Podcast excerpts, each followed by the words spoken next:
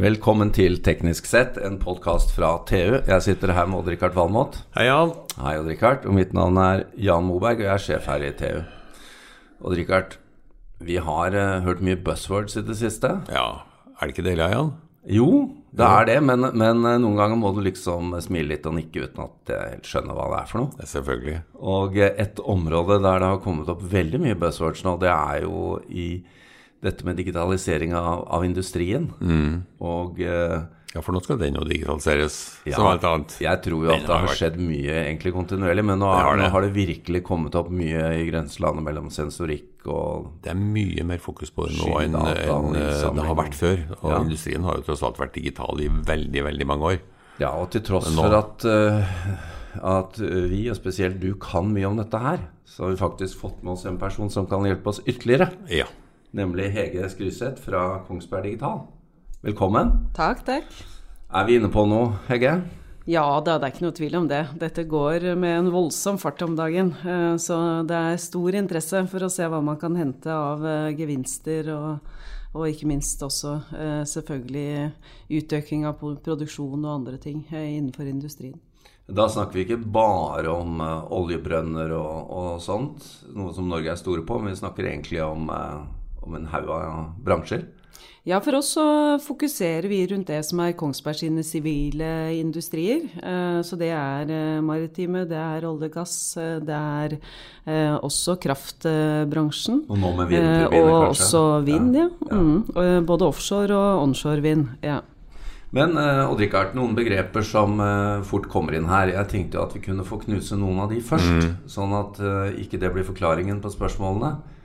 Hvor skal vi begynne? Digital tvilling. Digital tvilling er jo blitt et veldig hot begrep, da. Ikke Det er ikke som så du- gammelt. Ikke sånn som du og jeg, men andre Nei. typer tvillinger. ja, det er det. Vi kunne trengt noen tvillinger, vi òg, kanskje. Ja, det er absolutt. Hege, forklar oss digital tvilling.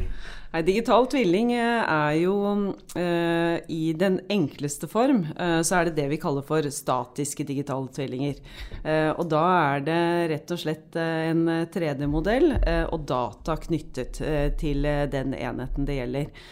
Det kan være en dieselmotor, eller det kan være en vindturbin, eller det kan være en pumpe på en oljeplattform. Det er jo begrepet som er nytt, for vi har jo, det her har vært digitalt veldig lenge. Så, men begrepet er veldig sånn avklarende, syns jeg. Statisk digital tvilling. Ja, det, det var faktisk nytt for meg i dag òg. Ja. Og så er det jo da det vi jobber mye med, og det er det vi kaller for dynamiske digitale tvillinger. Eh, og det betyr at Det er da, mer som deg og meg. Det er det. Vi er veldig dynamiske. Ja. ja, det betyr rett og slett at man tar med seg alle arbeidsprosessene eh, og kan operere enheten eh, autonomt. Da. Og autonomt er jo eh, ikke alltid, ikke alltid eh, ubemannet, men det er i hvert fall selvkjørende. Mm. Men, men uh, dynamisk digital tvilling, altså hvor langt har vi kommet da? Når du bruker det begrepet, er det, no, er det gode eksempler på det der ute nå? Eller er det noe som hører fremtiden til? Nei, det er eh, Vi eh, jobber allerede i prosjekter på dette området. Og det er både i forhold til eh, på, på vindsiden, eh, på eh, tilstandsmonitorering eh, av asset, men også optimalisering av vindparker. Altså for å unngå eh, at du får såkalte vindtunneler i en vindpark, så kan det være at du skal skru eh, av og på ulike turbiner, ikke sant? ja. Eh, så det, det er en dynamisk modell.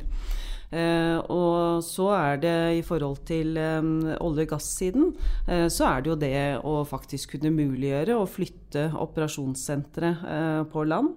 Og kunne styre da oljeplattformen og alle prosessene på plattformen fra et såkalt Santis operasjonssenter. Da. Ja, det er, jo, det er jo ting som har vært på gang i 15 år, kanskje. Men nå har det fått eh, mer fart i seg, og så har det fått et nytt begrep. Ja, altså Når vi nå først er inne på, på en måte buzzwordene, da, Ja. eh, så er det jo mye som pakketteres inn i det å styre fra land. Det kan være å flytte kontrollrommet på land, Mm. det kan være eh, operere senteret eh, fjernstyrt, eller det kan være helautonomt, da, som Mm. det vi snakker om i det Ja, tilfellet men her. du, da, da må vi jo komme inn på Du fortalte her før sending eh, det nyeste begrepet for meg, da. Subsea on a stick. Ja, ja. Ja. Kom igjen. Nei, det er jo mange oljeselskaper som, eh, som tenker at uh, det ikke er kjerneforretning uh, å ha uh, så betydelig bemanning på plattformene. Kost og losji i Nordsjøen. og kost og losji i Nordsjøen. Og det er klart at muligheten her for å kunne operere også flere enheter, ikke sant, mm. fra ett og samme operasjonssenter, Um, og ikke minst for uh, oljearbeidere å kunne uh, ha vanlig arbeidstid. Uh, og komme land, til familien ja. og jobbe mm. fra land ja. og styre prosessene der. Men, men altså, er dette begreper som vi nå ser konturene av på nye utbygginger, eller ligger det enda lenger i fremtiden? Eh, jeg tror vi kommer til å se eh, konturer av dette eh, på nye utbygginger. Og jeg tror også vi kommer til å se konturer av det på eksisterende felt. I den grad man evner å øke automasjonsgraden på de. Da. Ja, For det er jo veldig mye datainnsamling fra oljeplattformer og har vært det veldig lenge. Ja. Men å gjøre noe fornuftig med det er vel utfordringa. Prøv å bruke de dataene så du får verdi ut. Ja, og vi eh, snakker jo ofte om eh, vår, vår eh, misjon. Da. Det er jo på det å på en måte både kunne se inn i fremtiden ja. Så godt som overhodet mulig ved hjelp av dataene. Mm. og da både historiske og sanntidsdata. og så er det å kunne forutse hvilke aksjoner du skal gjøre i fremtiden. så vi er veldig fremtidsorienterte da, i hele vår satsing. Men du sa også at det er sanntidsstrømmen som er den mest verdifulle? Ja, For å kunne operere um, anlegget autonomt, så er ja. du helt avhengig av sanntidsstrømmen. Uh, og ikke minst også for å kunne um, identifisere vedlikeholdsbehov, så er det jo igjen sanntidsstrømmen uh, du er nødt til å sørge for å håndtere. Selv om du selvfølgelig bygger på historiske data også i det. Uh, og der jobber vi gjerne med eh, modeller som er en kombinasjon av på en måte mer tradisjonelle eh, fysikkmodeller, mm. som vibrasjonsanalyse, akustikk eh, og dataanalyse. Eh, og det kaller vi, når vi først var inne på buzzword, da, så kaller vi det for hybrid analytics. Ja. Hey. Hybrid, der kommer det enda et, ja. ja. Men da, da, må du uh, For hver gang vi får et sånt buzzword, så må vi gå litt konkret. Du fortalte litt om hvor mange kilder dere henter data fra. Mm. Ja, det var jo eh, voldsomt. Ja, det er mange kilder. Så vi henter jo data fra Vi har jo utstyr om bord på rundt 18 eh, 500 fartøy, eh, så hvor vi henter betydelig mengde data. Vi har også software tilknytta 10 000 oljebrønner som vi henter sanntidsdata fra. Og selvfølgelig en mengde vindturbiner. Eh, men når det gjelder akkurat eh, denne eh, hybrid analytics-begrepet som jeg innførte, for å, for å, gi litt sånn bakteppe mm. på det Så f.eks. da på vindparker så er det mulig nå med da kombinasjon av ulike typer metoder å forutsi vedlikeholdsbehovet 10-12 måneder forut for at det inntreffer på turbinen. Eh, og det betyr at man kan planlegge vedlikeholdet eh, sitt. Eh, man kan planlegge det på, på, på tvers av hele porteføljen sin av parker og turbiner. Og særlig offshore så er jo dette viktig, fordi det er jo Mye logistikk. Ja, mm. mye logistikk og mye kost knyttet til maritime operasjoner der også. Um, og så er det jo selvfølgelig det at uh, uplanlagt vedlikehold Eh, når ting går ned. Eh, det, det, er. Det er veldig dyrt ja. når vi snakker om sånne assets som det vi snakker om her. Eh, så.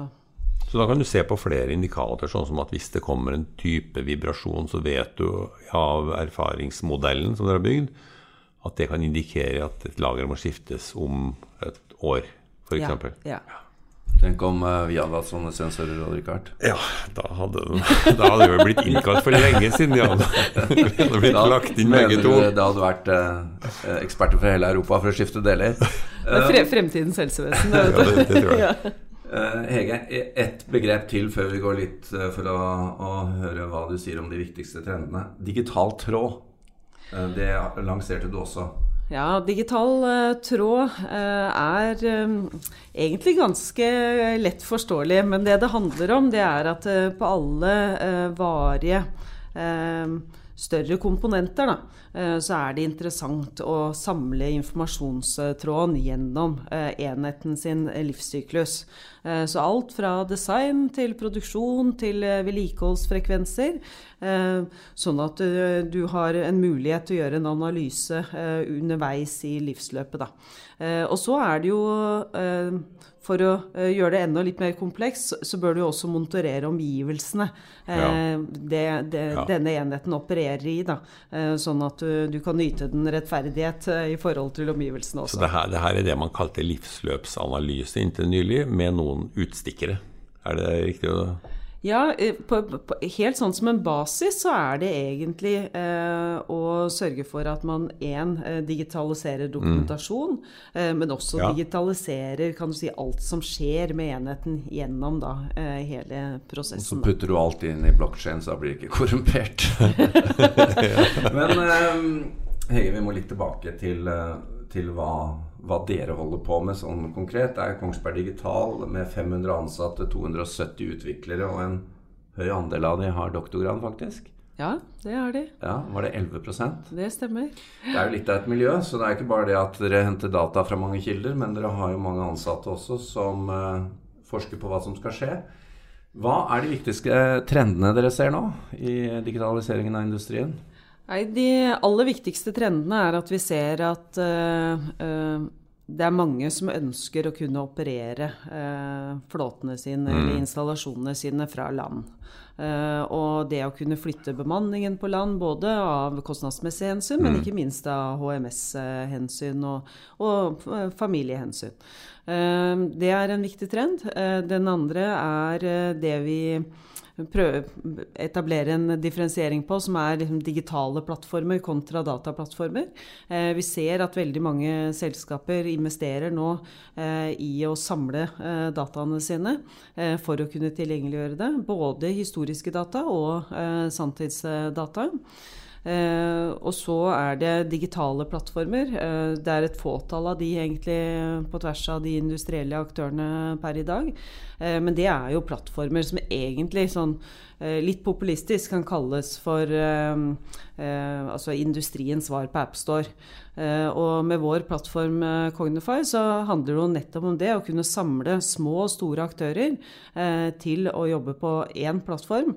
det å kunne benytte seg av hverandres data og kunne innovere på toppen av det. Og, og, ikke minst også for mindre softwareselskap. Vi har jo fantastisk mange flinke ja, softwareselskaper ja. både i Norge og internasjonalt. Eh, som ønsker å kunne nå eh, bredere ut med sine løsninger. Eh, og så er det jo også forskning. Eh, det å koble på også forskningsinstituttene i forhold til disse mm. eh, plattformene. Så hvis man ser på f.eks. da drillingområdet, da, eh, så har vi nå en rekke mindre software-selskaper med hver sin unike kjernekompetanse. og vi har også Iris med på plattformen. Eh, for å skape den innovasjonsplattformen som vi har som ambisjon. da. Mm. Og for å gjøre bildet enda mer komplekst, så ligger altså plattformen deres på Microsofts plattform. Ja, Asher. den ligger på Asher. Ja. Og vi var uh, veldig tydelige egentlig på noen sånne grunnpilarer. Og det er én, det skal være en cloud-basert plattform. Ja. Uh, vi skal benytte oss av de standardkomponentene som uh, da i dette tilfellet Microsoft har i plattformen. og dataene er det kunden som eier. Eh, og vi kan sågar kryptere de ende til ende eh, gjennom alt som gjøres på plattformen, eh, sånn at man ikke trenger å være bekymret for det. Og så skal det være en åpen standard plattform som kan sameksistere med andre plattformer. Nå har Sømløst. du vært sjef i Microsoft Norge i fire år, så du er sikkert en krevende kunde. Men disse systemene må jo også utvikles voldsomt da, for å møte det behovet som dere har. Ja, nei, vi, eh, vi, har jo også gjennom det eh, selvfølgelig fått innsyn i roadmapper eh, som Microsoft har. Og jeg syns jo Microsoft har en ryddig partnerstruktur på det området her. Så, og så er det, hvis jeg skal ta et par andre av disse hovedtrendene, da, så er det digital tråd, eller som vi var innom i stad. Eh, og så er det det vi kaller for eh, Edge Analytics, som er altså det å ekstrahere og bygge intelligens på enheten. Ja. Eh, si at det er en eh, dieselmotor da, på et fartøy. Eh, det at du, du henter de dataene du trenger videre inn i operasjonen, og at du behandler dataene Ja. ute på enheten. Så Ja, der må jeg bare stille deg spørsmålet nå. Det, det skjer jo veldig mye med, med datainnsamling og sanntid og sånn. Hvor viktig har utviklingen på sensorikksiden vært?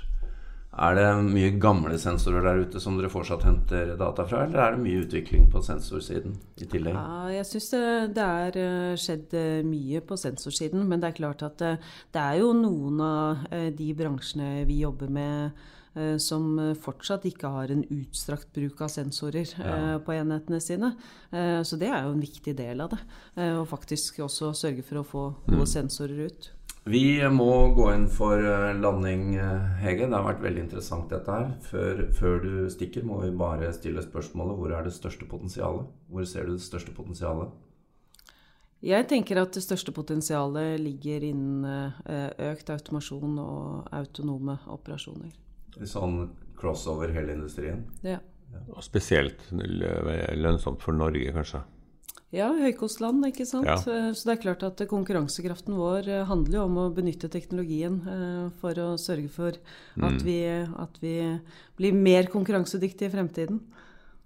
Veldig bra. Takk, Hege Skryseth, Kongsberg Digital. Det var kjempeinteressant. Og Richard, jeg tror vi må invitere henne tilbake. Det må vi. Her er det det mye vi. å snakke om. Ja, det er mye å snakke om i Edge. Men vi må, vi må summe oss først, for vi må gjennom Edge Analytics, eh, eh, statisk digital tvilling og dynamisk digital tvilling og digital tråd, hybrid analytics med mer.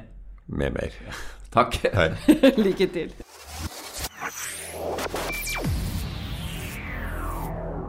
you